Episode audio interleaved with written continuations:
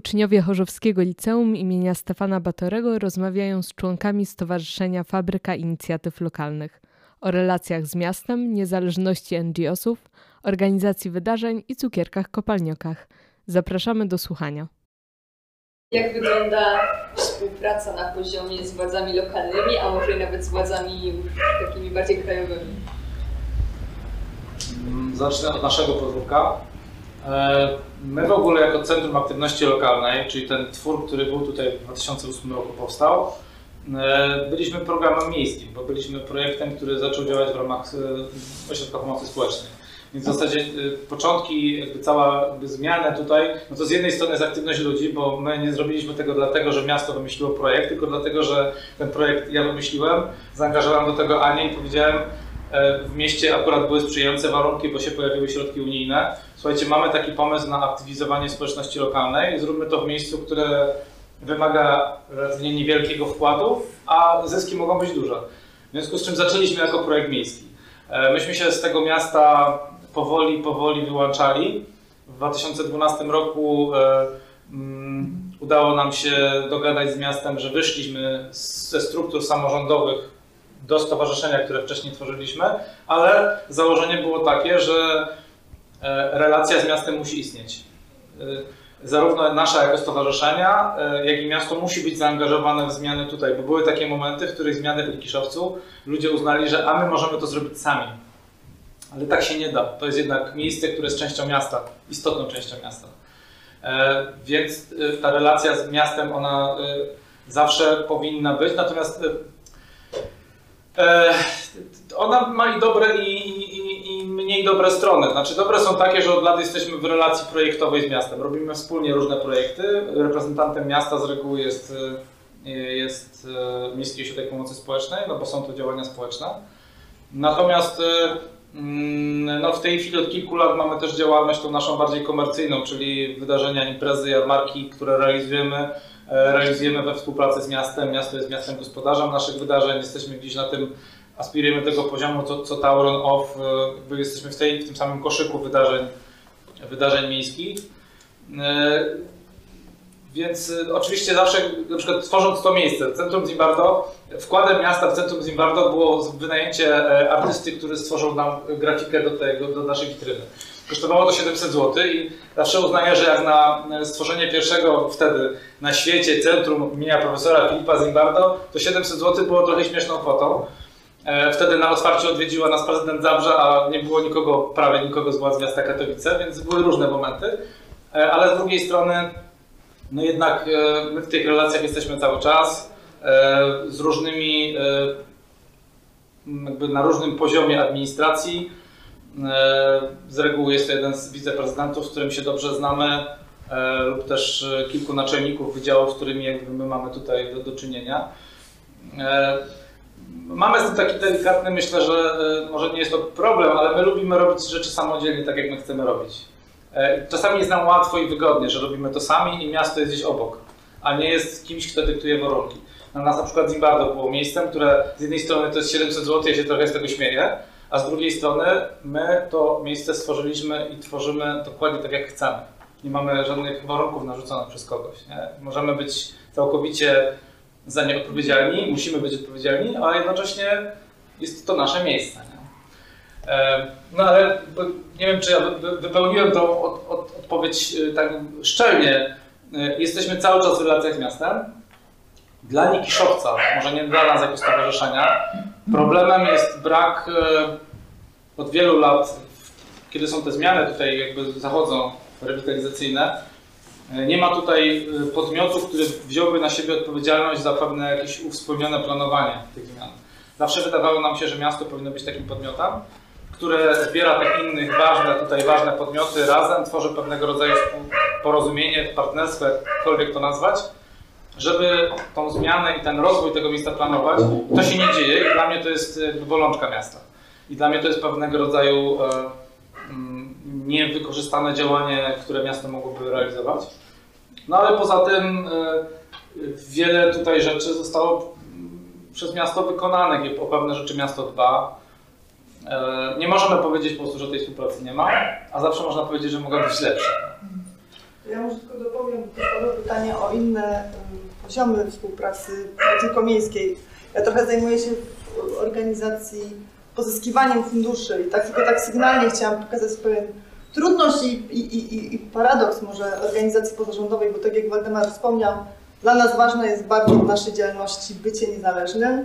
Dlatego jesteśmy NGO-sem, organizacją pozarządową, czyli w idealnym świecie taka, która jest kompletnie niezależna, ale równocześnie no, chcąc realizować nasze działania, czasem bardzo specyficzne, e, niekomercyjne często, chociaż tą działalność komercyjną prowadzimy, bo musimy po prostu sięgać po środki zewnętrzne, czyli starać się o granty w instytucjach różnych, e, czy to fundacjach e, e, prowadzonych przez komercyjne podmioty, ale też na poziomie administracji rządowej. I to jakby tutaj jest pewnego rodzaju pytaniem, po które środki sięgać, po które nie sięgać i jakby to pytanie sobie czasem stawiamy, ale rzeczywiście staramy się jakby tą współpracę przez lata prowadzić i, i po granty i środki zewnętrzne dedykowane naszej działalności, głównie związane właśnie z ochroną dziedzictwa e, czy ze wspieraniem społeczności lokalnej określonych grup doprowadzić właśnie dzięki temu e, finansowemu wsparciu. Więc tu trzeba, wpakując się w taką przygodę jak organizacja pozarządowa, trzeba po prostu o tym pamiętać, że finansowanie działalności organizacji to jest portfel, dobrze jeśli to jest portfel złożony z różnych źródeł, no ale te źródła niosą za sobą pewne wymagania, ryzyka i pewne czasem dylematy. Natomiast jeszcze na przestrzeni lat myśmy bardzo dobrze współpracowali sobie i dalej w sumie to jest no, udana współpraca z Urzędem Marszałkowskim Województwa Śląskiego. E, przez lata jakby nasze działania tutaj były pewnym modelem działań w społecznościach lokalnych, e, różnego rodzaju projekty pisane czy, czy tam tworzone czy opracowania e, Urzędu Marszałkowskiego określające w jaki sposób prowadzić pracę ze społecznościami trochę bazowały na naszych doświadczeniach, więc jak gdyby ta relacja mm, e, takiego jakiegoś tam dobrego modelu działania, ona, ona jest. Znaczy ja przynajmniej przez lata miałem poczucie, że co dla mnie jest bardzo ważne, że nasze działania i przekazywanie ich dalej ma, mają wpływ na to, że ludzie dobrze pracują, nie? Że, że pewne rzeczy są robione właściwie. Więc e, ja mam takie poczucie spełnienia, że kiedyś tam przez ileś lat ta współpraca była taka rzeczywiście dwustronna, bo my mieliśmy prosto, e, mieliśmy takie zgórki w różnych sprawach, e, a z drugiej strony urząd miał materiał edukacyjny, miał materiał bazę do tego, w jaki sposób pisać opracowania, nie wiem jak to się teraz nazywa fachowo, shopy, nie shopy, różne tam wytyczne do realizacji projektów, żeby one miały, żeby one były racjonalne. Teraz to się trochę zmieniło, widzę mniej racjonalności, ale to już takie teraz, teraz wszystko jest trochę inaczej. Kiedyś było lepiej.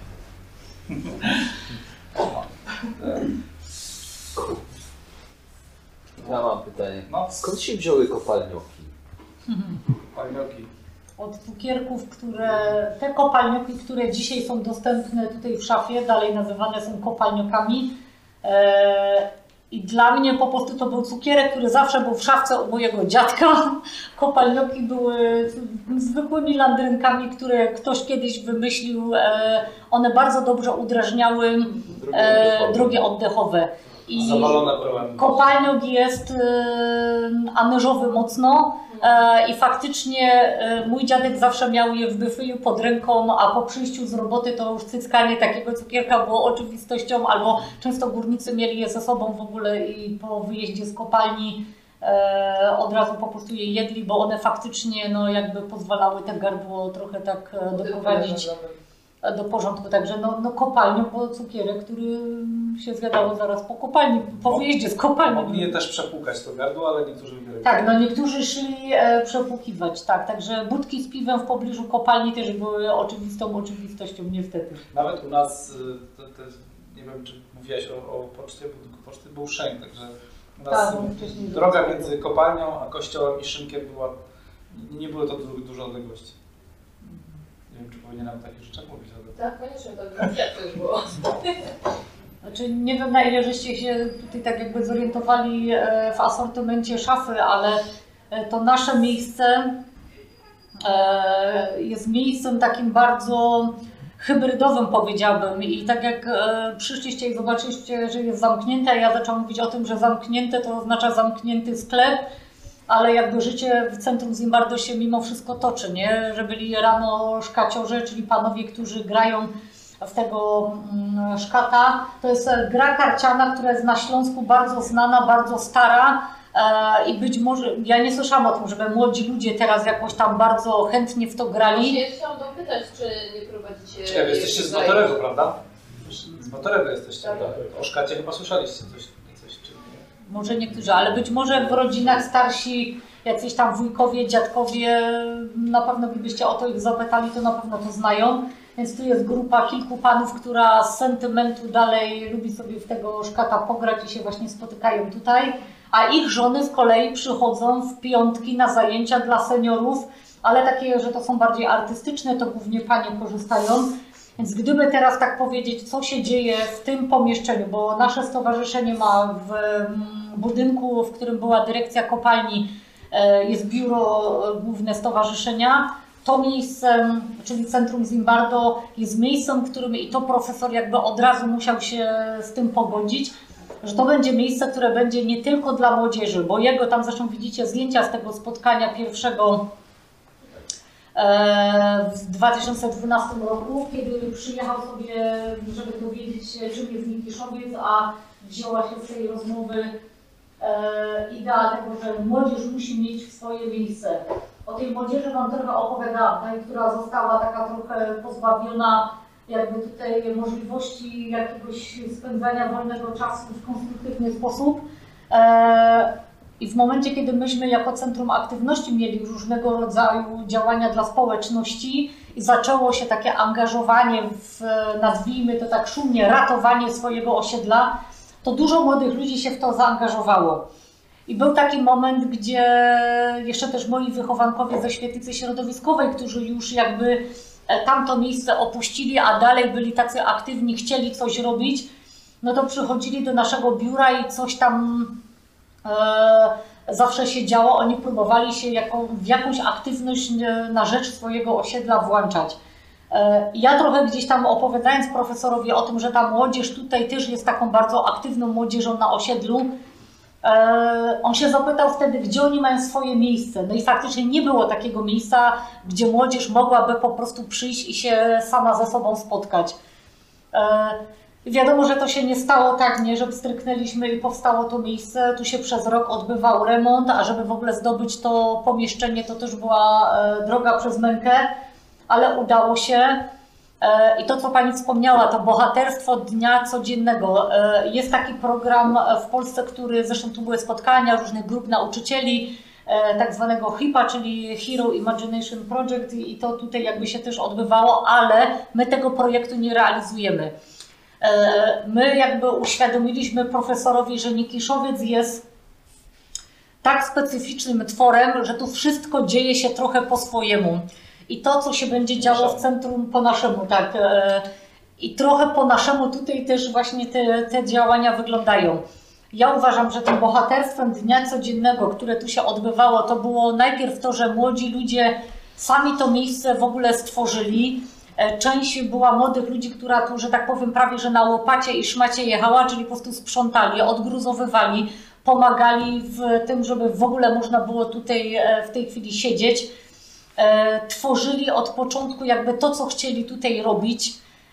Na początku było faktycznie tak, że praktycznie cały tydzień był wypełniony młodzieżą i czasem były to zajęcia bardzo konkretnie wymyślone, stworzone. E, Było to karaoke, od- którego się jakby zaczęło. Także było część rzeczy, że trochę jak w takim domu kultury, dzisiaj to, jutro to, a pojutrze to, ale też było bardzo dużo jakby wolności w tym, że jeżeli masz pomysł, chciałbyś, żeby się coś odbywało, chciałbyś to realizować, to wymyśl to. I tutaj też na przestrzeni jakby iluś lat było kilka wydarzeń, które wymyślili uczestnicy Centrum Zimbardo. Czyli załóżmy, gdyby, gdyby o Was e, tutaj chodziło i gdyby to Wy byliście tymi uczestnikami, to bardzo chętnie bym skorzystała z Waszych pomysłów e, na to, co chcecie tutaj robić. Albo jeżeli mielibyście pomysł na jakieś duże wydarzenie dedykowane właśnie Waszym rówieśnikom czy innym mieszkańcom, to moglibyście tutaj to zrealizować. No i faktycznie jakby, gdybyście teraz weszli na naszą stronę, nawet na Facebooka i prześledzili sobie nawet ileś lat wstecz, co się działo w centrum Zimbardo, to zobaczylibyście, jak to miejsce e, ewoluowało też, ale ile różnych rzeczy tutaj się wydarzyło. Ja nie jestem w stanie teraz Wam wszystkiego wymienić, bo są takie rzeczy, które mnie są bardzo bliskie, bo wydarzyły się wtedy, kiedy w ciągu tych pierwszych lat byłam tu najbardziej zaangażowana z młodzieżą, ale potem też jakby Centrum Zimbardo coraz bardziej trzeba było się dzielić, tak? I wchodził tu ktoś, kto też miał swoje pomysły. Dzisiaj jest tak, że spotykają tu się i dorośli mieszkańcy, i seniorzy, e, i młodzież. E, I czasem też udostępniamy to pomieszczenie na jakieś wydarzenia, które są albo ważne dla dzielnicy, dla osiedla, e, albo dla kogoś, kto po prostu chce faktycznie zrealizować jakieś swoje warsztaty, swoje pomysły. Ja głównie pracuję faktycznie z młodzieżą, ale Gosia jest animatorem, który pracuje głównie też jakby z, no, z osobami dorosłymi, ale też nie ma problemu z tym, jeżeli ktoś z młodych ludzi chciałby, z młodszych chciałby wziąć udział w jakichś warsztatach czy spotkaniach, które Gosia organizuje. To jest po prostu taka naturalna wymiana. Jest to miejsce, z którego przede wszystkim korzystają mieszkańcy Nikiszowca, e, czyli osiedla i całego, całej dzielnicy Janów. E, I to jest uważam taką naszą jakby największą zaletą, że jesteśmy otwarci na różnych ludzi, na różne tematy, na różno, różnego rodzaju po prostu działalności. Ja to tak wkrótce jeszcze nawiążę do kopalniaka. Aha. Do tej historii kopalnika dość. Otóż jak widzicie, dzisiaj centrum jest podzielone na dwie części. Tam jest sklep, tutaj jest część społeczna, one oczywiście się mieszają ze sobą, natomiast od samego początku Zimbardo było założone w związku z naszą wielką potrzebą niezależności, że musi się utrzymać. Dlatego w zasadzie od, my od, od 30 kwietnia 2015 roku prowadzimy oficjalnie działalność gospodarczą jako stowarzyszenie. To jest ta nasza druga noga. E, więc w zasadzie niecały rok po rozpoczęciu działalności Centrum Zimbardo e, widzieliśmy, że Zimbardo się utrzyma z tego, że samo na siebie zarobi. Już wtedy młodzież ta pier, za pierwszy, pierwszy, pierwszy rzut wiedział, że jak na przykład mamy jakieś zlecenie i mamy możliwość zarobienia pieniędzy na przestrzeni Zimbardo, to oni się wynoszą, a my wnosimy tutaj wydarzenia, które dadzą nam możliwość zarobienia. Oczywiście to wszystko ze sobą gra. Dzisiaj tak się podziało, że, że trochę musieliśmy nawet tą przestrzeń jakby to, trochę, trochę dzielić, tą malutką przestrzeń. E, ale też no, wszyscy mają tego świadomość i tutaj spokojnie mogą się odbywać jakieś zajęcia, które nie wymagają ścisłej ciszy. Jednocześnie przychodzi turysta i kupuje sobie pamiątkę.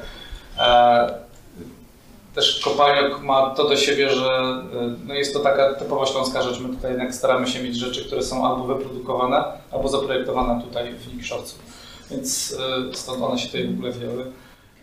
Ale też ważne jest to, że to jakby ta część sklepowa jest dla iluś osób pierwszym miejscem pracy. Osoby, które mm, były pierwszymi sprzedawcami, tutaj jakby uzupełniały dyżury wakacyjne i tak dalej, to byli Zimbardowicze. To były te osoby, które jakby znały to wszystko od podszewki i potem w momencie, kiedy ktoś był pełnoletni najczęściej są to te osoby, które jeszcze studiują albo miały możliwość w weekendy pracować, więc część e, osób, które w ogóle i pracują w stowarzyszeniu, Alicja, która jest animatorem zatrudnionym przez stowarzyszenie, i e, razem ze mną jakby e, pracuje właśnie głównie z młodzieżą, a w zasadzie ona jest teraz tą osobą, która ciągnie temat dalej. E, to jest osoba, która przyszła tutaj mając lat 15, jeszcze w gimnazjum i przyszła na jedne z pierwszych zajęć, które żeśmy organizowali dla młodzieży. Jej historia tak się potoczyła, że była osobą, która tutaj po prostu spędzała czas. Zresztą zasłynęła takim dużym wydarzeniem tutaj zorganizowanym E, festiwal Czarnej Owcy. E, to było naprawdę duże wydarzenie, które odwiedziło 300 osób w ciągu trzech dni. E, I ona miała wtedy taką żyłkę osoby niespokojnej, która jest bardzo aktywna, chce coś robić. No i tak się jej losy potoczyły, że w efekcie kończy studiować psychologię, a tutaj już jest zatrudniona i pracuje właśnie jako animator z młodzieżą i i prowadzi to Centrum Zimbardo dla młodzieży tak, jak ja bym bardzo chciała, żeby było prowadzone, a ja już niekoniecznie mam na to tyle siły.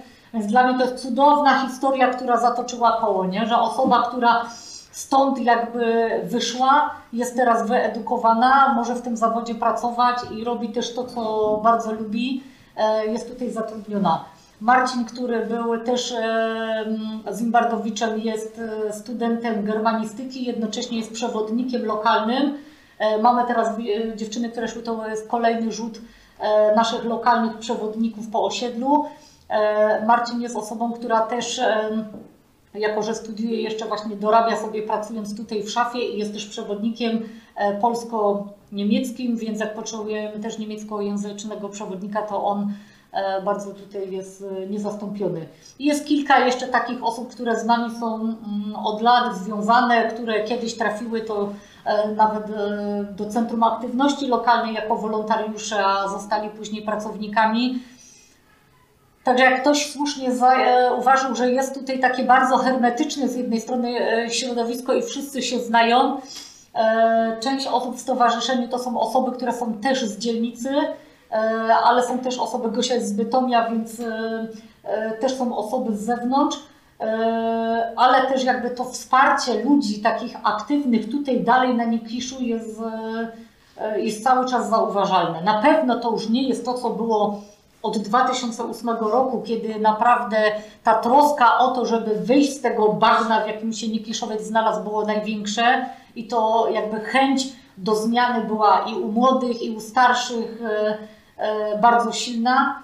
E, wiadomo, że im bardziej się na Nikiszowcu poprawiało, to jakby ta aktywność trochę już jakby malała i dzisiaj jakby jest ona też w innych aspektach ale to miejsce jest dla mnie cały czas takim bardzo ważnym, namacalnym dowodem tych zmian, które na przestrzeni lat się na Nikiszu dokonały, bo często mówię o tym, że profesor Zimbardo nie przyjechałby do Nikiszowca, gdyby już chwilę wcześniej o tym Nikiszowcu ktoś na tym Uniwersytecie Śląskim nie słyszał i nie było to już jakby mówione o tym, że Nikiszowiec jest przykładem pewnej zmiany społecznej e, i że warto przyjechać, zobaczyć samo osiedle, e, ale też posłuchać ludzi, którzy tutaj właśnie są zaangażowani. I, jakby no jego pobyt też nie sądziłam, że tak się skończył, że będziemy siedzieli w miejscu, które jest faktycznie pierwszym miejscem na świecie, e, któremu Filip Zimbardo podarował swoje nazwisko i, i faktycznie do momentu, kiedy pandemia nie wybuchła, odwiedzał nas regularnie,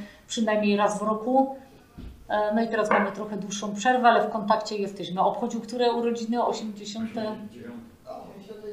Z okazji którego dziewczyny, młodzież z Narodowa specjalnie Tak, mamy tutaj w piątki wieczorem, to kolejna rzecz, e, próba zespołu e, muzycznego. Są to cztery dziewczyny, mieszkanki Nikiszowca, które w piątek spotykają się i mają tutaj próbę, podłączają sprzęt muzyczny. Także piątek jest takim dniem, że tak, do 12 są seniorki, Potem jest młodzież do godziny 17.30, młodzież w wieku takim od 15 do 18, a potem od godziny 18 do godziny 21 jest próba, więc jakby piątek jest bardzo szczelnie wypełnionym dniem. Natomiast jeszcze właśnie a propos tej hybrydowości, o której Ania mówi, e, to też jest tak, że my rzeczywiście jesteśmy tutaj w związku z tym, że Nikiszowiec się zmienia takim nieformalnym, a można już powiedzieć najważniejszym punktem informacji turystycznej i to też sprawia, że po prostu ludzie, którzy do nas przychodzą, to są najróżniejsze osoby. To są zarówno turyści, którzy po prostu przyjechali tutaj na jeden dzień i chcą się dowiedzieć, co mogą zwiedzić, ale są to też po prostu nowi mieszkańcy, których w Nikiszowcu no, jest, jest trochę od jakiegoś czasu. Oni po prostu do nas przychodzą i się pytają, gdzie tu mogą poznać innych ludzi, jak tu się mogą zintegrować. I tacy ludzie też do nas trafiają, więc z jednej strony no, trochę może jesteśmy, wprawiamy wrażenie hermetycznych, ale z drugiej strony no, te drzwi, jak jest ciepło, zawsze są otwarte i codziennie od tej 12 do 16, 17 można po prostu do nas wejść. I to nie jest tak, że tutaj są jakieś ciągle warsztaty na zapisy, wręcz przeciwnie, to są na ogół rzeczy bardzo otwarte dla wszystkich, a my tutaj stoimy i czekamy i mamy wystawiony powtykacz i przyjmujemy wszystkich z otwartymi rękami, więc jakby bycie tym centrum informacji turystycznej ma taki dodatkowy walor, po prostu każdy może wejść, no i bycie sklepem oczywiście, nie? Każdy może wejść i od jakiegoś szczegółu toczy się rozmowa i potem okazuje się, że, że, że, że ktoś wraca do nas już po prostu jako osoba z nami w jakiejś relacji. Co jest też ważne, co obserwuję, zresztą no nie mogę powiedzieć, że jestem co tydzień na Niekiszowcu, ale jestem co najmniej dwa razy w ciągu roku Państwa. E, Zazwyczaj jestem właśnie w trakcie tego jarmarku słynnego, przywożąc moich znajomych. Staram się też pokazać innym moim znajomym, na przykład z innych rejonów Polski, Nikiszowiec, no też młodzież staram się przywozić. I to, co jest e, w ogóle też e, fenomenem, myślę, Zimbardo, to to, że widać, że tu jest poczucie takiego sensu, które łączy wszystkich waszych bywalców. Ja to widzę na jarmarku. Bo kiedy się na przykład e, chodzi po jarmarku, tak, kiedy się wychodzi właśnie e, gdzieś tam z jednej czy drugiej bramy i przychodzi się pod wasz rejon, to są wszystkie te przykłady rękodzieła. Stoją starsze panie, stoją jakieś właśnie e, młode osoby i oferują. Jest powiedziane, że Zimbardo, że tak, jesteśmy aktywni. Tak samo jak się do was wejdzie. Więc mam wrażenie, że wy się już możecie pochwalić czymś takim. No my jako Belfrzy też mamy takie swoje sukcesy, kiedy widzimy, że nasi y, absolwenci wracają do nas jako nauczyciele, czasem jako studenci, którzy chcą coś zrobić. I właśnie te dwie osoby, o których Państwo mówiliście, i gdybyśmy jeszcze tak mogli prosić o, takie, o taką Państwo samoocenę. Jak to wygląda z perspektywy Waszego działania? No bo my wiemy mniej więcej, jaki jest efekt, ale od tego 2008 roku, ilu osobom daliście nadzieję? Tak? Ja, ja, ja nie chcę teraz, żeby to było z dokładnością do pięciu, ale chodzi mi o pewne, o pewne proporcje, bo to jest chyba bardzo ważne. Znaczy, to są różne, różne jak gdyby okresy działania, bo tak jak Ania powiedziała, e, kiedy zaczynaliśmy w momencie, w którym był największy kryzys, to e, w momencie przełamania się, czyli znalezienia się tej małej grupy ludzi, na pierwszym spotkaniu, które zorganizowaliśmy kilkanaście lat temu, dla aktywnych mieszkańców dzielnicy przyszło pięć osób. To był nasz pierwszy takie, pierwsze spotkanie i od tego się zaczęło i te pierwsze kilka lat to były lata, w których myśmy co roku mieli jakby podwajany zespół, czyli zawsze mieliśmy kilkunastu uczestników takich bardziej aktywnych, robiliśmy dla nich różne warsztaty, szkolenia, spotkania. W następnym roku dochodziła do tej grupy kolejna grupa. Więc gdybyśmy mieli, nie wiem, sobie teraz policzyć przez te kilkanaście lat i, i liczbę uczestników, no to to pewnie jest kilkaset osób. Natomiast gdybyśmy, nie wiem, nie, nie robiłem sobie takich podsumowań, ale e, liczba osób, które w jakiś sposób się aktywnie włączyły i są tymi osobami, które my rozpoznamy w każdym momencie, że one na którymś etapie zmiany Nikiszowca były ważne, to pewnie jest kilkadziesiąt osób. No właśnie e... myślę, że lokalni liderzy, tak? Znaczy ci lokalni liderzy, którzy się właśnie, no dzisiaj na przykład są liderzy, którzy byli dla nas najważniejszymi oso osobami na świecie 12 lat temu. A 7 lat temu albo 8 oni uznali, że ich e, etap się zakończył i oni są po prostu mieszkańcami. My mówimy sobie cześć i tyle. Natomiast zaraz po nich przyszło kolejne pokolenie, tak jak w przypadku młodzieży. Mamy w zasadzie teraz trzecie czy czwarte pokolenie młodzieży w Zimbardo. Na wydarzeniach mamy tutaj, nie wiem, 40 wolontariuszy, nie? 40 młodych osób z, z dzielnicy siedzi tutaj przez te 3 dni ledwo żywi, bo chcą być, i to jest, to jest niezmienne w ogóle, zawsze mnie bawią takie pierwsze momenty sprzed wielu lat, kiedy każdy, kto się angażował w jarmark, bo to takie najfajniejsze wydarzenie, żeby to zobrazować, zależało mu bardzo, żeby mieć plakietkę z napisem wolontariusz albo organizator. I dotyczyło to zarówno, nie wiem, właściciela piekarni, jak i zwykłego mieszkańca czy młodego człowieka, który każdy na swój sposób, dla niego było to ważne, żeby pokazać, że się angażuje w działania na rzecz dzielnicy. Nie? Dzisiaj oczywiście jest taki ranking, powiedzmy, że źle to zabrzmi, ale wolontariusz jest gdzieś tam najniżej tej hierarchii, ale jak ktoś się już do, doczeka na organizatora, to jest przeszczęśliwy, nie? bo to jest pewnego rodzaju nobilitacja, chociaż w zasadzie wszyscy, ja zbieram śmieci jak trzeba i zbiera śmieci wolontariusz. Nie? To jakby tutaj u nas nie ma tej różnicy w sytuacji, kiedy i zawsze tak było, ja też miałem takie poczucie, to nas też mocno zbliżało i mocno dało takie poczucie jakiegoś spełnienia być może. Ja przynajmniej mam takie podejście, że ja pracuję na tej samym poziomie, na którym pracują ludzie mieszkańcy. Nie? My tak samo dźwigamy, tak samo się męczymy, tak samo pracujemy intelektualnie, tak samo tworzymy programy, tak było na początku. Nie? Więc to też to, to trochę ułatwia to zaangażowanie ludzi. Nie? Ale rzeczywiście takich liderów liderów, bo to, to są też różne poziomy bycia liderem. Bo lider to jest takie słowo, które często się używa też w projektach ja tego nie, my nie lubimy projektowego myślenia tak za bardzo. Nie?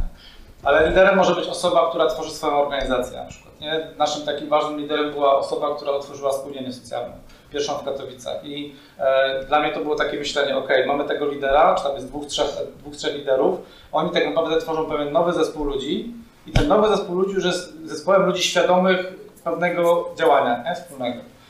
Potem stowarzyszenia nowe i tak dalej. Takich osób, e, pewnie to jest kilkanaście osób, które stworzyły pewne struktury wokół siebie. One nie wszystkie do dzisiaj istnieją, ale na tych całym przestrzeni nastu lat tworzyły pewne struktury. E, my wtedy, nam łatwiej było pracować z piątką osób, która szła i pracowała z kolejnymi zespołami. Nie? Patrząc, Nie. tak licząc sobie szybko, tak metaforycznie powiem, że zaczynaliście, powiedziałabym, od szkoły średniej, potem studia, potem doktorat, bo teraz to, do czego doszliście, no chyba dzielicie się tą swoją wiedzą pozyskaną od 2008 roku. A to jeszcze ja bym rozdzieliła, jakby odpowiadając jeszcze na, na to pytanie. E, czas tutaj na Nikiszowcu jakby jest podzielony na ten e, moment 2008 rok, kiedy jest Centrum Aktu, e, Aktywności Lokalnej i to był ten twór właśnie w ramach Miejskiego Ośrodka Pomocy Społecznej. Potem, kiedy jako Stowarzyszenie Fabryka Inicjatyw Lokalnych zaczynamy jakby w przestrzeni tu Nikiszowca ciągle byliśmy my, dochodziły kolejne osoby i niektórzy do tej pory myślą o Nikiszowcu jako, że to Ania Waldek, Centrum Aktywności Lokalnej. E, I te okresy właśnie tutaj Centrum Aktywności Lokalnej, potem stowarzyszenie, rozszerzanie się, Zimbardo, a potem Zimbardo. innym. Tak, i teraz często jakby ktoś o nas mówi, e, bo Zimbardo to, Zimbardo tamto, tylko że jakby tą naczelną strukturą jest film, mówię w skrócie, czyli fabryka inicjatyw lokalnych i, i często jakby z racji tego, że my jesteśmy tu widoczni, to łatwo jakby e, pomyśleć, że wszystko, co się tworzy na Nikiszowcu, to jest jakby za pomocą Centrum Zimbardo, a Centrum Zimbardo to jest jakby jeden z efektów i, jedna z rzeczy, którą nasze stowarzyszenie tutaj robi, prowadzi e, i, i co prawda może najbardziej zauważalne, ale patrząc na to, e, jak się ta aktywność ludzi zmieniała, jacy ludzie z nami byli, e, jak na przestrzeni jakby tych lat tutaj była, było to zaangażowanie wokół nas, no to naprawdę trzeba by to podzielić na te okresy, bo gdybym ja miała powiedzieć, ilu ludziom pomogliśmy najbardziej albo komu najbardziej pomogliśmy pomiędzy 2008 a 2012 rokiem, to, było, to byli faktycznie mieszkańcy, którzy, którym nadrzędnym ich celem było przestać wstydzić się, że mieszkają na Nikiszowcu i zrobić wszystko, żeby pokazać, że Nikiszowiec jest dzielnicą, do której warto przyjechać, nie wstydzić się, pokazać to, co najlepsze. E, Wtedy mieliśmy też jakby trochę inne założenia. W, w, w ramach programu mieliśmy prawnika, psychologa, pedagoga. My też działaliśmy na rzecz tego, żeby pomóc tym ludziom, którzy w różnego rodzaju kłopoty popadli. I pamiętam, że mieliśmy taki em, projekt, który pomagał mieszkańcom, którzy mieli zadłużone mieszkania, e, spłacić je, bo nam chodziło o to, żeby jak najwięcej mieszkańców zostało tutaj, tych, e, którzy byli z pokolenia na pokolenie na Nikiszowcu. I może to są pojedyncze osoby, ale jeżeli ja dzisiaj z perspektywy czasu widzę, spotykam je i widzę, że oni dalej mieszkają, to uważam, że było warto im pomóc, bo tak, bo ci ludzie dalej na Nikiszu są, mimo że ten Nikiszowiec się bardzo zmienił. Jak miałabym popatrzeć na okres, kiedy jakby największym naszym działaniem było promocyjnie gdzieś ten Nikiszowiec wywindować poprzez jarmark, wydarzenia kulturalne. Czasem tak e, można pomyśleć, że my jesteśmy takim domem kultury nieformalnym, bo tutaj tych przeróżnych wydarzeń na przestrzeni lat było tak dużo, że część mieszkańców by mogła powiedzieć, że naszą jakąś tam największą zaletą i to, co im pomogło, to było to, że przez jarmark w ogóle jakby e, przestali się tego Nikiszowca wstydzić, tak? Bo ci, którzy teraz tu przyjeżdżają, to się zachwycają i jest pięknie i cudownie, nie? Doszły różnego rodzaju też mankamenty za tym idące, ale jakby nasza praca w którymś momencie jakby bardzo mocno była skupiona na tym, żeby pokazać ten Nikiszowiec jako atrakcję turystyczną. Gdybym ja miała powiedzieć o okresie, kiedy byłam bardzo mocno jakby zaangażowana tutaj w tworzenie Centrum Zimbardo, to byli to przede wszystkim, e, jak ja to mówię, moje dzieci, które poszły sobie w świat, dzisiaj studiują, pracują i tak dalej i różne, że tak powiem, też dylematy życiowe ich dotknęły. I gdybym miała z perspektywy tego miejsca powiedzieć, co było największą wartością, to właśnie to, że e, gdzieś tam dostali tych skrzydeł i poszli w świat, nie? Znaleźli odpowiedzi jakieś na ważne pytania, albo dzięki, dzięki temu, że tu byli, ich życie potoczyło się tak, a nie inaczej. Także nie ma chyba takiej jednoznacznej odpowiedzi, bo tych ludzi przewinęło się w różnych okresach bardzo dużo, bardzo różnych i z bardzo dużo, z bardzo różnymi problemami. Inne problemy były zaraz jakby na początku tej naszej działalności tutaj, inne w momencie, kiedy zostało stworzone w 2014 roku to miejsce. I dzisiaj mamy też kolejne jakby wyzwania, gdzie być może dalej trzeba tą nadzieję gdzieś ludziom dawać albo pomóc im jakby w tej nowej rzeczywistości Nikiszowca w ogóle się odnaleźć. Tak, możemy w uzupełnieniu jeszcze tylko odpowiedzieć o to, czy my oczywiście od samego początku uczestniczyliśmy, jednocześnie uczyliśmy się tego, co robimy, jednocześnie dzieliliśmy się wiedzą, bo w czerwcu zaczęliśmy realizować projekt, a ja w listopadzie pierwsze szkolenia prowadziłem. Już z naszych tych doświadczeń, więc to jest, y, to jest ważna rzecz, my to do dzisiaj robimy, to jest też zarówno część, która daje nam e, dość dużo energii, e, pozwala e, ćwiczyć pamięć, bo musimy coraz bardziej sięgać do tyłu E, opowiadając o pewnych wydarzeniach. E, z trzeciej strony daje nam możliwość zarobienia pieniędzy, bo częściowo robimy to odpłatnie, częściowo, częściowo zdarza nam się, że nie. E, z czwartej strony my mamy taką też fajną rzecz, że my jesteśmy w stanie rzeczywiście być uczestnikami, obserwatorami tych zmian przez wiele lat. Bo my tu z Anią jesteśmy od 2000 roku. Więc tak naprawdę to jest 22 lata bycia codziennie i, i spostrzegania pewnej zmiany. My oczywiście nie jesteśmy typem naukowców, my tego nie analizujemy, nie prowadzimy badań na ten temat. My to mamy w sobie i często to jest zamknięte i potrzebuje jakiegoś wytrycha, żeby ktoś się zapytał i żeby coś wypłynęło. Ale tak mamy po prostu i tak, tak, to, tak to jest. Oczywiście robimy też badania na, na, na, w związku z projektami, żeby pewne analizy potrzeb mm, realizować. Jedną rzeczą, którą jest ważna, o której też my zawsze wspominamy, Nikiszowiec sam w sobie jest tak nietypowy, oryginalny, że to nie jest przykład, który można przekładać zero-jedynkowo gdzie indziej. E, na to zwracamy dużą uwagę, bo można czerpać z doświadczeń, z pewnych rzeczy, które się tutaj podziały, które są łatwo zauważalne, ale one nie są przekładalne gdziekolwiek indziej. I to każdy, kto chciałby gdzieś robić coś podobnego, musi sobie wziąć tą nakładkę że to jest miejsce, które jest niepowtarzalne.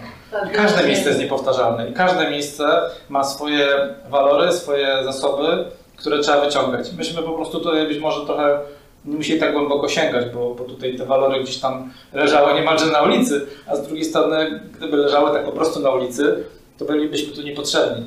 A jesteśmy przez kilkanaście lat już potrzebni, nie? więc to... Jeszcze z takiego, z takiego, takie mam pytanie, bo Wężę po Polsce, czy często dostajecie e, jakieś prośby, żeby szkolić osób, e, osoby z Dolnego Śląska? Bo aż się prosi o osoby z inicjatywą. Z Dolnym Śląskiem mieliśmy trochę do czynienia. Jeden z naszych e, wieloletnich członków postanowił nas kiedyś opuścić i zostać dyrektorem Ośrodka Pomocy Społecznej w Wrocławiu nam się zdarzają, mieliśmy wizytę studyjną z Wrocławia, kilka razy nawet mieliśmy z Dolnego Śląska, z, z OPS-ów głównie, bo, bo to są takie obszary, które się zajmują zmianą społeczną naj, najbardziej właściwie.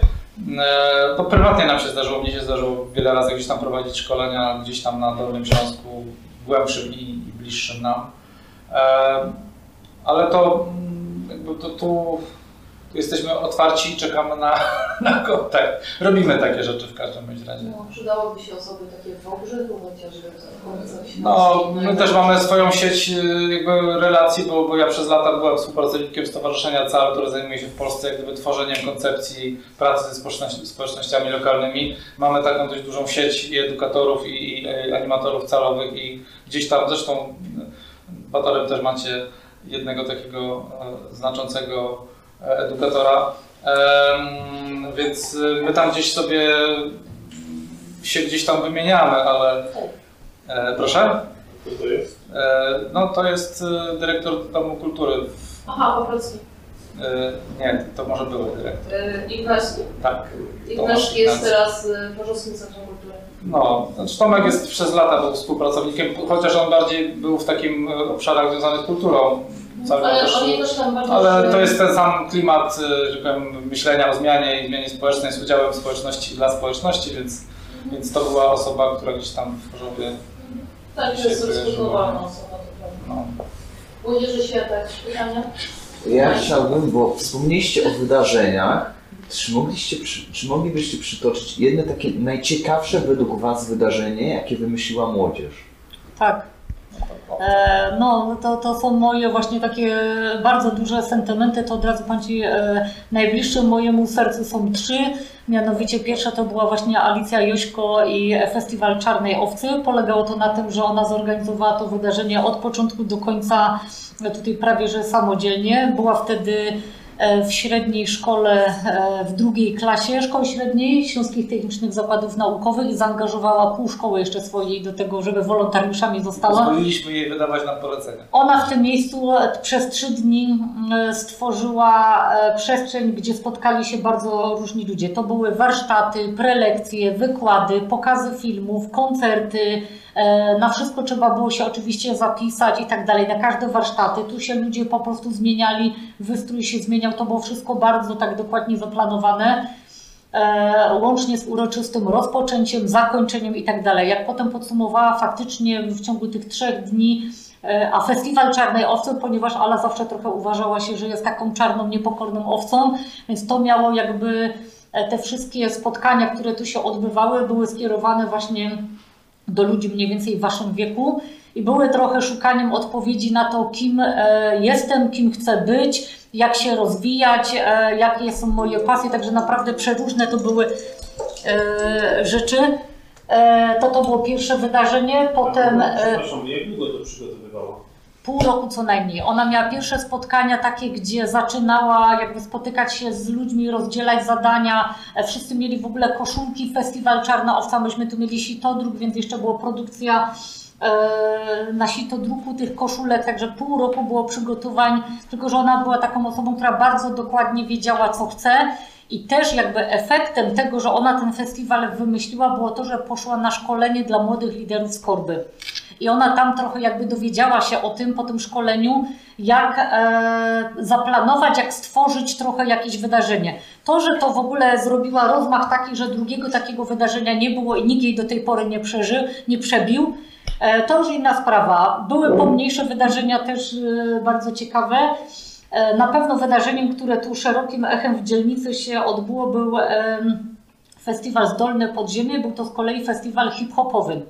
I moim największym wspomnieniem, znaczy takim, e, e, no na pewno będę to pamiętać, było to, jak odbywały się tutaj na scenie bitwy freestyle'owe, a obok kościoła szła procesja Bożego Ciała. Także zestawienie tych dwóch światów było na pewno bardzo ciekawe, aczkolwiek to też była inicjatywa Mateusza Welmadgana, który e, sam dla siebie jakąś tam undergroundową taką muzykę hip-hopową tworzył i wymyślił sobie, że chciałby stworzyć taki festiwal i tu z kolei były dwa dni e, z różnymi, e, z różnymi osobami ze świata jakby hip-hopu. Był wykład o historii hip-hopu, były bitwy freestyle'owe, był koncert e, w wydaniu właśnie Madgana i, i jego znajomych. Także różne osoby z tego środowiska wtedy przez te dwa dni tutaj się spotkały. I też e, bardzo ciekawym wydarzeniem było e, festiwal Bliżej Śląska. To z kolei był festiwal, który e, Marcin wtedy też uczeń szkoły średniej, wspomniany przeze mnie przewodnik, obecnie też po dzielnicy, jako że jemu jego ta historia e, i kultura śląska e, jakoś zawsze bardzo interesowała, to wymyślił takie spotkania właśnie tutaj dla młodych ludzi, żeby sobie odpowiedzieli na pytanie, kim dzisiaj, e, co to znaczy być Ślązakiem dzisiaj. I też to był e, szereg spotkań z różnymi osobami, e, były wycieczki po Nikiszowcu, e, było, było to jakby przybliżenie szczególnie młodym ludziom e, kultury śląskiej. Pamiętam, że wtedy e, tutaj odwiedził nas gość, który mm, no, e, wte, może, może teraz już o nim jakoś tak jest trochę ciszej, a może właśnie nie wiem, Rubens był z Bytomia. Jak wejdziecie sobie na Instagrama i zobaczycie profil Mateusz Ledwik, tak, e, on zasłynął tym, że robił, przerabiał obrazy Rubensa. Na przykład jest taka e, pani słusznych rubensowskich kształtów z, m, po śląsku ten Jobych co wywarła na przykład, nie? Albo e, musza się dychnąć, więc on jakby z kolei e, śląski chciał trochę tak wpuścić na salony bardziej, E, I tymi śmiesznymi memami zaczął się tak trochę do tego e, świata e, przez Instagrama między innymi przebijać. No i on był też osobą, która tutaj opowiedziała swoją historię, jak to synek z Bytomia sobie pojechał do Warszawy i tam zaczął karierę robić. Więc no, to był taki moment, gdzie na przestrzeni kilku lat ja też byłam tutaj najbardziej zaangażowana, więc jakby te trzy duże wydarzenia to faktycznie były, e, są mi takie najbliższe, ale już jakby za czasów Alicji, która już pracowała z młodzieżą, e, mniejszymi wydarzeniami, ale uważam, że też bardzo ważnymi były między innymi właśnie e, jakaś tam zbiórka na schronisko, akcja na rzecz zwierząt, pierwszą akcją w ogóle, w którą młodzież się zaangażowała w 2013 roku, pamiętam, to była akcja Psia Kupa. I to jest trochę to bohaterstwo dnia codziennego, czyli młodzież, która zrobiła happening prowadzący do tego, żeby nauczyć mieszkańców sprzątać psie kupy. Mieliśmy wielką psią kupę z pianki takiej silikonowej zrobioną z powbijanymi muchami. Kupa była taka, leżała przed kościołem, można powiedzieć i młodzi e, ludzie tutaj zrobili między innymi dużo różnych tabliczek z hasłami typu e, sprzątaj kupa swego psioka do hasioka, bo tutaj jakby myśmy zawsze też tak starali się ten e, śląski jakoś wykorzystać. E, ja jestem bardzo dumna, bo tabliczki, które miasto kilka lat później e, w mieście umieściło, między innymi pod szkołą 53, e, to są tabliczki z naszymi hasłami, które wtedy były rysowane kredkami na takich normalnie tekturach a zostały jakby wchłonięte i, i ku naszemu zdziwieniu kiedyś nasze hasła rozprzestrzeniły się, ale jeżeli ma to służyć e, ogólnie tutaj rozpowszechnianiu dobrej idei sprzątania po swoich pupilach, to niech będzie. Także wydarzenia różnego kalibru, bardzo takie lokalne, ale też takie dla ludzi z zewnątrz, więc jak mnie ktoś pyta, to o tych trzech mówię od razu, a potem mogłabym wymieniać te wszystkie inne też mniejsze, bo to czasami nie chodzi o to, żeby zrobić e, wydarzenie na 300 osób, nie? Bo, bo dla nas fajnym wydarzeniem też jest noc filmowa w Zimbardo, która się teraz odbywa i to, że jesteśmy tu razem e, przez całą noc, oglądamy filmy, w międzyczasie śpimy, oglądamy, śpimy, oglądamy, albo dyskutujemy też o tych filmach, to też, jest, to też są fajne wydarzenia nie? dla ludzi. Jeszcze mam jedno pytanie, bo mówiła Pani, że pierwsza dziewczyna od Festiwalu Czarnej Owcy miała jakieś szkolenie z y, tak, e... Właśnie co by Pani tym naszym mogła polecić, jeżeli by chcieli się rozwijać mhm. w tą stronę? Mhm. Na pewno w tej chwili jest bardzo duża oferta jakby dla e, osób, które gdzieś tam mają taką zajawkę aktywności nie wiem, może Gosia, Ty bardziej polecisz, przykład gdzie szukać teraz informacji, bo na tych stronach NGO-sów naprawdę jest bardzo dużo i to jest tak, że właśnie czasami jakaś organizacja e, pozyskując pieniądze na swoją działalność, e, prowadzi szkolenia dla konkretnych osób, e, osób nie? i to jest właśnie też coś, w czym Gosia mocno siedzi. E, takich dedykowanych, o których Pan pyta, programów, to w tym momencie mi nie przychodzi do głowy, natomiast Warto śledzić e, tak zwane konkursy małych grantów FIO Śląskie albo małe granty e, śląskie. To są konkursy, które są zwykle organizowane dwa razy w, e, dwa razy w roku i mogą tam swoje małe inicjatywy zgłaszać grupy nieformalne, więc rozumiane też jako grupę trzech osób młodzieży. Ja mogę takie rzeczy podsyłać, bo to jakby takie rzeczy znam i, i, i trochę w tym siedzę.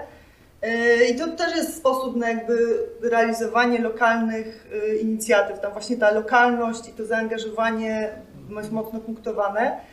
E, no warto może też się przyglądać, co się dzieje w waszym mieście, bo no, są takie rzeczy jak inicjatywy lokalne i małe granty, natomiast no z, z inicjatywy, inicjatywy lokalne, inicjatywami lokalnymi jest tak, że to trzeba robić będąc przy stowarzyszeniu, rzeczywiście tutaj można zgłaszać jakieś pomysły na działania lokalne, ale nie można być już tutaj tą grupą formalną, tylko być w jakiejś tam strukturze.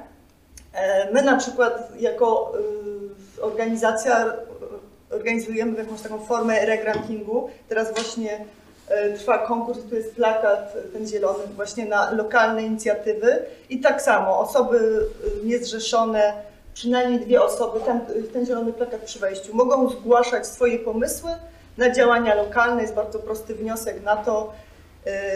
I dzisiaj żeśmy właśnie mieli taką dyskusję, czy inicjatywa lokalna, tworzona przez dwie, tak, możliwą, dwie mieszkanki się wpisuje, czy się nie wpisuje, co tam poprawić i zmienić, więc być może w Waszej okolicy są też organizacje pozarządowe trochę tak działające w obszarze lokalności, które takie konkursy albo ogłaszają, albo przy nich jako tako można by takie inicjatywy yy, realizować. To jest w ogóle dobry kierunek, bo na przestrzeni tych wielu lat y, osoby, które...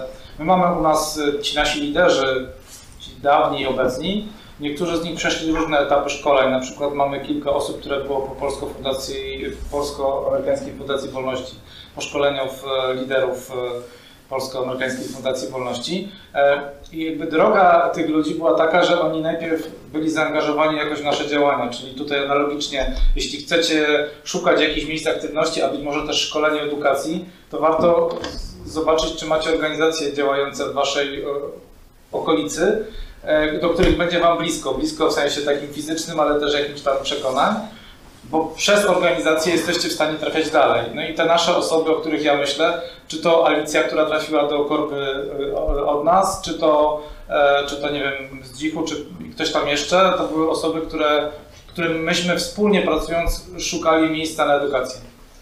Więc droga do organizacji pozarządowej być może jest jedną z takich dróg do, do edukacji dalszej. Nie?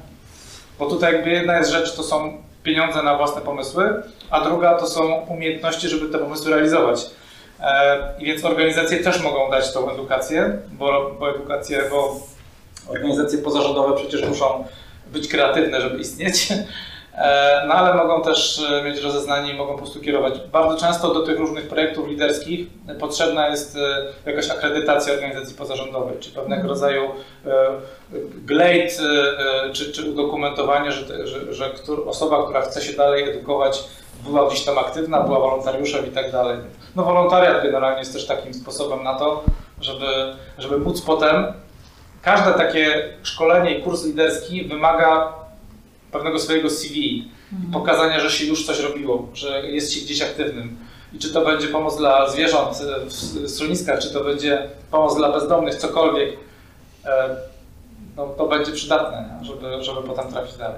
Pamiętam, że Alicji o 21.30 pomagałam wymienić, wypełnić właśnie wniosek na szkolenie do korby i do 24.00 miała czas, żeby to mailem przynajmniej e, skan tego posłać i to była decyzja na ostatni moment, a jak się okazało, no bardzo cenna. Brzemienna.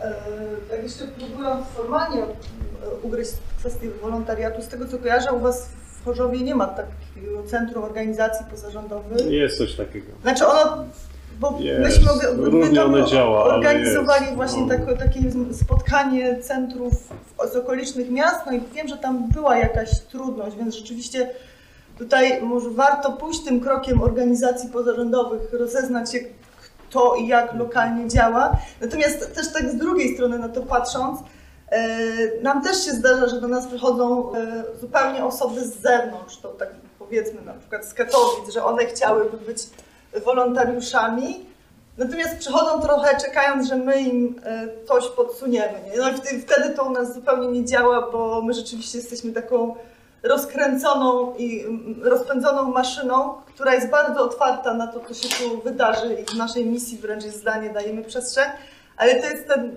w takich sytuacjach my jednak y, jesteśmy otwarci na te gotowe pomysły e, ludzi, że oni z czymś do nas przychodzą, my tu dajemy im właśnie tą przestrzeń też fizyczną, nie tylko mentalną do robienia pewnych rzeczy i na to jesteśmy otwarci, więc jakby tak, taka może trochę rada, że jak będziecie gdzieś próbować wejść do jakiejś organizacji, to pokażcie, że macie na coś pomysł. To nie musi być już konkretny pomysł taki, że wpisuje się w jakiś projekt, w jakiś formularz, w jakiś wniosek, ale że wy przychodzicie z czymś, nie? A NGOsy są często po prostu tak za, zarobione i tak siedzą w tych swoich różnych sprawach, że one często te, tego czekają na, na świeże, świeżą perspektywę i nowe pomysły. To, że my jesteśmy u Państwa dzisiaj w momencie, kiedy jeszcze młodzież i nauczyciele mają dzień wolny, też świadczy, że jest w nas jakaś taka wola uczenia się mm, i dzielenia swoimi doświadczeniami. Ja bym chciała mm, Państwa prosić, jako osoby doświadczone, pracujące tutaj właśnie w takim miejscu, gdzie ta inicjatywa lokalna jest, no i spektakularne sukcesy macie, o to, mm, po co, nie? I teraz nie pytam, nie pytam o to, jak wygląda tu cała historia, bo już nam Państwo powiedzieliście doskonale, ale y, po co, po co, po co? Jaka, jaka jest z tego korzyść? Taka prywatna korzyść. Myślę, że y, czujecie moje intencje. Ja egoistycznie powiem, bo jeszcze przyjdzie i to zrobi za mnie ktoś inny. Znaczy nie, no po prostu ja mam jakby może o tyle łatwość odpowiedzi, że jestem z tym miejscem bardzo związana emocjonalnie, bo jest to moje miejsce, e, mam na myśli Mikiszowiec rodzinne i jakby ja tego zupełnie nie zakładałam na jakimś etapie mojego życia, nawet jak e, zresztą pracowałam jako wychowawca w świetlicy i myślałam, że jakby to działanie z dziećmi pociągnę dalej, może w jakichś różnych konfiguracjach, ale że będę po prostu z tą, z dziećmi, z młodzieżą sobie jako pedagog pracować. No, okazało się, że na którymś etapie e, stwierdziłam, że potrzebuję jakiejś zmiany i w momencie, kiedy właśnie pojawiła się na horyzoncie wizja zostania animatorem w Centrum Aktywności Lokalnej, to poszłam e, za tym. Aczkolwiek totalnie ja sobie chyba wtedy nie wyobrażałam, w co ja się pakuję. Ja jestem totalnym samoukiem, jeżeli chodzi o jakby o pracę w społeczności lokalnej. Waldemar to przynajmniej po jakichś szumnych szkoleniach po prostu przez ileś prawie że lat. E, Tak, e, a ja po prostu wszystkiego, jak pracować e, z... Nie, nie nauczyłam się od Ciebie, bo Ty się chowałeś, e, to jest słynna anegdota właśnie, że jak ludzie przychodzili... żeby się za nim Tak, Waldemar był od pracy administracyjnej, biurowej, on wszystko świetnie potrafił zaplanować na papierze, a ja byłam tą, co to szła do tej piaskownicy na trawnik, do ludzi i po prostu jakby do... E, to, to też jest nasza anegdota. Świetnie się uzupełnialiśmy. Tak, świetnie się uzupełnialiśmy. Przychodziła na przykład taka pani Basia i e, Waldek, powiedz mi jak to tam nie, bo coś tam jakiś miała problem, nie? No i Waldek jej to mówi, mówi, dobra Ania, ty mi teraz to powiedz tak, żeby to zrozumiała. No i tak e, czasem e, to wyglądało. Wszystko jest nagrywane. No, no i bardzo dobrze, ku pamięci. Więc e, jakby mm, jakaś taka intuicja pomogła w tym, e, jak pracować. E, A po co? Po to, że faktycznie ja mogę powiedzieć, że moja praca jest moją e, pasją, satysfakcją i tak dalej. I z jednej strony robię to, co lubię, z drugiej strony ta młodzież od 2014 roku jakby do mnie wróciła i, i ten moment znowu takiej intensywnej pracy z młodzieżą i tak mi wrócił i tak. E, Tyle, że ciągle z tym Nikiszowcem w tle, z rewitalizacją, z wycieczkami, z całym tym turystyczną otoczką. E, No i do tego teraz jeszcze dochodzą cały czas jakby poszukiwania tożsamościowe. E, Ja uważam, że Kajś zrobiło taką robotę, że, że, że, że dalej po prostu gdzieś jest pole do tego, żeby jeszcze czegoś innego młodych ludzi e, uczyć i w ogóle jakby mam wrażenie, że, że uczymy się trochę bycia Ślązakami dalej i znowu. E, Więc jakby niby Nikiszowiec i te 20 ileś lat, ale mam wrażenie, że jakby cały czas e, coś nowego. I, I po co? No to po co się trochę zmienia? Tak osobiście dlatego, że jest mi to bliskie i, e, i mam taką potrzebę, żeby po prostu, że to ja, nie ktoś inny, bo ja go kocham. A to po co tak, po co dla kogoś jest zmienne, nie? Na przestrzeni tych lat, ale, ale cały czas uważam, że, że warto, ale to jest bardzo indywidualne i myślę, że w pracy takiej jak e, organizacja pozarządowa, no trzeba po prostu być otwartym na różne koleje losu i na różne możliwości, bo chociażby finansowanie jest czymś, co e, raz jest, a raz nie jest, więc jakby jest tu dodatkowo trudność, że na przykład trzeba sobie zadać pytanie, e, po co ja tu chcę przetrwać? No Nie. jak? Jak, nie? Ale po co, nie? No właśnie to po co wtedy jest właśnie najważniejsze, nie? Po co? No myśmy chcieli właśnie mimo przerw w dostawach, że tak powiem, finansowych właśnie chcieliśmy, bo po prostu jakby ten Nikiszowiec stwierdziliśmy, że warto, żebyśmy to my dalej e, po prostu tutaj robili, mimo przeciwności losu. Dziękuję bardzo. A gdybyście Państwo mogli jeszcze tutaj pytam Państwa, młodzieży tak w paru, w paru punktach powiedzieć, po co być aktywnym? Już, y, no bo jesteście też wychowawcami, po co? Po co oni mają, po co oni mają cokolwiek robić w tym kierunku? Jak wy robicie, wasze doświadczenia wskazują? Tego się albo chce, albo nie chce. Znaczy właśnie mam tak, to, to samo poczucie, że wchodząc w ogóle na ścieżkę aktywności, czy wchodzenia na ścieżkę już zawodową organizacji pozarządowej, to, jest, to musi być wybór, y, który wynika z różnych motywacji. Może być tak, jak właśnie Ania o tym mówi, związane z miejscem, ale może być to na takim trochę poziomie szerszym, jakiegoś takiego poczucia, że ja w pracy chcę, mm, chcę mieć sensowną robotę. Jakby w takiej globalnej skali y, praca w NGO-sie, organizacji pozarządowej, czy to stowarzyszeniu, czy fundacji, to daje. Ale równocześnie jest gro ludzi, która nie musi mieć potrzeby sensu w pracy. I moim zdaniem to też jest fair. I to też jest uczciwe, tylko właśnie fajnie sobie to w miarę wcześnie zdiagnozować i rozpoznać, nie? Czy idąc do pracy, ja chcę dobrze zarabiać, czy ja chcę pracować 8 godzin.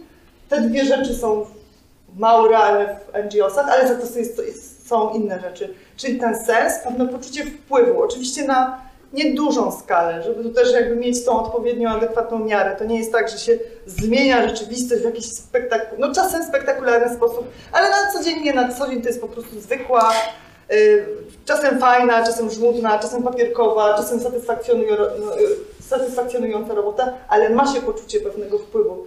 Więc jakby droga młodzieży, to myślę, że to jest kluczowe, żebyście w sobie rozpoznali, nie, co w wyborach no, dalszych edukacyjnych i zawodowych jest dla Was ważne w myśleniu o Waszej pracy. Być może zupełnie coś innego niż to, co daje NGOs. Mi on daje tak, mi on daje poczucie e, pewnego sensu, pewnej minimalnej sprawczości, byciu w relacji, w społeczności, ale również też pewnej wolności.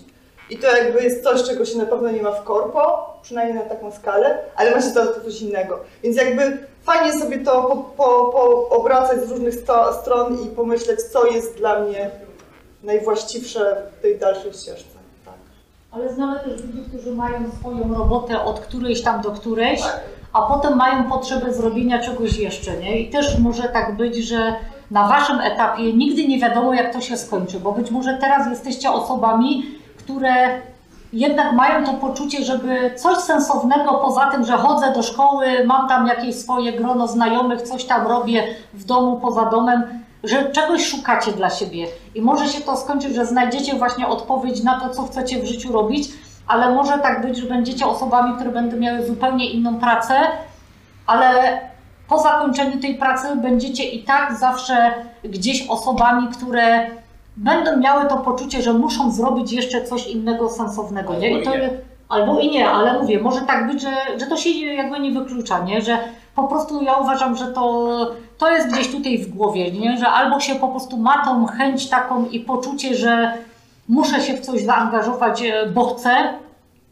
bo robienie czegoś jakby, bo tak wypada, to jest na krótką metę, nie? To albo robisz to dlatego, nie? To, to, to nawet ja mogę powiedzieć, że mamy takich wolontariuszy, którzy przyjdą na jeden dzień jarmarku, bo jest potrzebne zaświadczenie do szkoły, żeby jakieś punkty dostać, nie? No wiecie, nie o to jakby do końca chodzi. Mamy E, też ale naszych wychowanków snowboardowych, którzy pracują w Amazonie i ewidentnie robią rzeczy, które są rzeczami taśmowymi, natomiast y, na jarmarku przychodzą, biorą wolne i o- odrabiają to, co potrzebują, to, co jakby mają w sobie. Tak, bo nie wyobrażają sobie, żeby ktoś za nich tą plakietkę organizatora miał ktoś inny. I mówię, e, mają swoją pracę, swoje życie, e, zupełnie już gdzieś tam indziej prywatne, a są tak związani jakby z tym wydarzeniem chociażby, że nie wyobrażam, Kuba właśnie, o którym mówi Waldek powiedział tak, no nie wyobrażam sobie, żeby mnie nie było, nie? Kinga, która jest w tej chwili nauczycielem tutaj w szkole, również e, po zakończeniu pracy w szkole przyszła i była organizatorem jarmarku razem z nami, więc jakby to są e, fajne historie, które pokazują, że kurczę, no coś, coś w nich zostaje, nie? Takiego. Każdy ma też swój czas na to. Więc No. to jest też tak, że tutaj nie ma się co śpieszyć. Ja szczerze mówiąc, gdybym sobie wyobrażał czas, w którym wy teraz żyjecie, i wasz wiek, to ja chyba nie uczestniczyłbym w takich e, rozmowach i dywagacjach jak teraz. E, i To nie jest tak Waldek musiał- motywujący, E, i- Ale to jest bardziej e, e, dla Was e, e, gest, że Wy to robicie, więc jesteście do przodu znacznie bardziej. E, Być może dla mnie dwie najważniejsze rzeczy to jest to, że ja mogę być tutaj niezależny. I nie wiem, jak bardzo dzisiaj niezależność jest dla młodych ludzi ważna, ale dla mnie jest dzisiaj numer jeden w świecie, w którym żyjemy. E, ale też poczucie wpływu, o którym mówiła Gosia i ja go miałem czasami bardzo wielki. E, e, a to się bierze trochę z niezależności. Ja mogę decydować o tym, co robię, jak robię, co myślę, co mówię. To, że Zimbardo powstało właśnie niezależnie od tych 700 zł, to jest dla mnie wielki walor, bo to jest naprawdę nasze i to poczucie, że jest coś naszego, wystarczy mi na długo. My wprawdzie jesteśmy zamknięci do naszu w szkole, pani dyrektor, mamy program uczenia, ale myślę, że jako nauczyciele też mamy trochę tej niezależności, przynajmniej na razie jeszcze możemy mówić, co jest dla nas ważne i, tak, i co jest tą naszą wewnętrzną, wewnętrzną prawdą. I ja, ja, też myślę, ja też myślę, że chyba to nas łączy, jak Państwo opowiadacie, że my jeszcze y, gdzieś mamy takie poczucie sensu wynikające z tego, że robimy coś takiego na zasadzie podaj dalej. Podaj dalej kawałek tego, co może być dobre i może być po prostu niesione niekoniecznie tylko i wyłącznie jako kolejny produkt komercyjny. No powiedzcie, dla Was słowo niezależność jest ważne dzisiaj? Czy jeszcze tak? Czy... Bardzo. Pytanie, jest tak samo rozumiane? No ale no, zaczyna się od słowa, a potem y, jest dyskusja o słowie i dlaczego ono jest takie inne. Tak, żeby troszkę łyżkę dziegciu tu włożyć, ta nasza niezależność, która tu ona jest na przykład, y, my, my płacimy za, tą, za to cenę, którą jest na przykład to, że my nie mamy gwarancji finansowych. Trzynastek nie mamy, ale nasze umowy za chwilę się skończą i musimy wymyśleć, napisać i jeszcze dostać pozytywny, pozytywny wynik naszego projektu. Więc wiecie, ta niezależność jest okupiona niepewnością. Więc jakby łatwo pewne hasła wrzucać, ale też trzeba uczciwie powiedzieć, co za nimi stoi i jakby jaki, co je równoważy i przeciwstawia. Więc jakby tak, to takie przez lata y, jakby potem te, te dylematy się trochę y, no, już łatwiej się przez nie przechodzi, bo myśmy mieli sytuację, żeśmy nawet, nie wiem, byli wszyscy w urzędzie pracy zarejestrowani tylko po to, żeby przeczekać trudny moment i, i powrócić tutaj, ale jednocześnie pracowaliśmy tutaj, będąc zarejestrowani w urzędzie pracy. Natomiast tak, to są dość trudne y, życiowo wybory, Yy, I myślę, że tak, kosztuje. tak, że wolność kosztuje i myślę, że to jest dobry moment, żeby sobie o tym pomyśleć, co, co jest dla Was najważniejsze, nie? Które, które, jaka forma niezależności, być może niezależność finansowa, bo jakby no... Wtedy Amazon. Wtedy Amazon, tak, tak, tak. I wtedy to ma inne konsekwencje, ale rozpoznajcie to sobie, no. No to ludzi to, tak, zmusza do kreatywności, nie? Tak, zmusza do kreatywności, natomiast yy, w pewnym momencie może być tak, że drugi, trzeci, czwarty projekt jest po prostu odrzucony. Jest moment pewnego zawieszenia. Jasne. Y, jeżeli za tym nie stoi pewna stabilna stabilizacja, y, być może tak, a, a może być spowodować coś innego, a może spowodować w pewnym momencie frustrację. To zależy. Ja to bardzo też zależy, w którym momencie życia się jest no, i jakie są taka potrzeby. Taka praca jak moja też y, frustracje różne dziwne tworzy, także to... Znaczy jakby my, my z tym żyjemy i sobie też świetnie daliśmy do tej pory radę. Też nie, nie, że to nie działa, tylko gdzieś trzeba pamiętać o tych, tych sytuacji i, i wartości Ale jeśli niektórzy z nich zdecydują się nawet na prywatną działalność gospodarczą i będą sprzedawali marchewkę, to jest po prostu ta sama sytuacja, to samo, to samo ryzyko, prawda? E, tak, tylko y, chyba zapobieganie sytuacjom kryzysowym w jednym i drugiej sytuacji jest trochę inne. Ale tak. Ale to jest, to, to są, Ale jest ryzyko. ryzyko. Jest to ryzyko jest, nie? Natomiast trzeba być kreatywnym i poza tym wy tutaj um, uczycie też umiejętności miękkich, więc jeśli chodzi o, o zaangażowanie się młodych ludzi w różne tego typu wyjście ze skorupy, pomyślenie, co ja mogę i jak mogę zmienić, no to jest po prostu jest... konkretna też nauka znaczy, pewnych rzeczy, które wyjście są... ze skorupy i wyjście z rutyny. To tak, jest coś, to jest co bardzo towarzyszy ważne. takiej działalności na co dzień. Tutaj nie ma rutyny i rzeczywiście e, to macie zagwarantowane. Źródło finansowania. Projekt finansowany przez Islandię, Liechtenstein i Norwegię z funduszy EOG w ramach programu Aktywni Obywatele Fundusz Regionalny.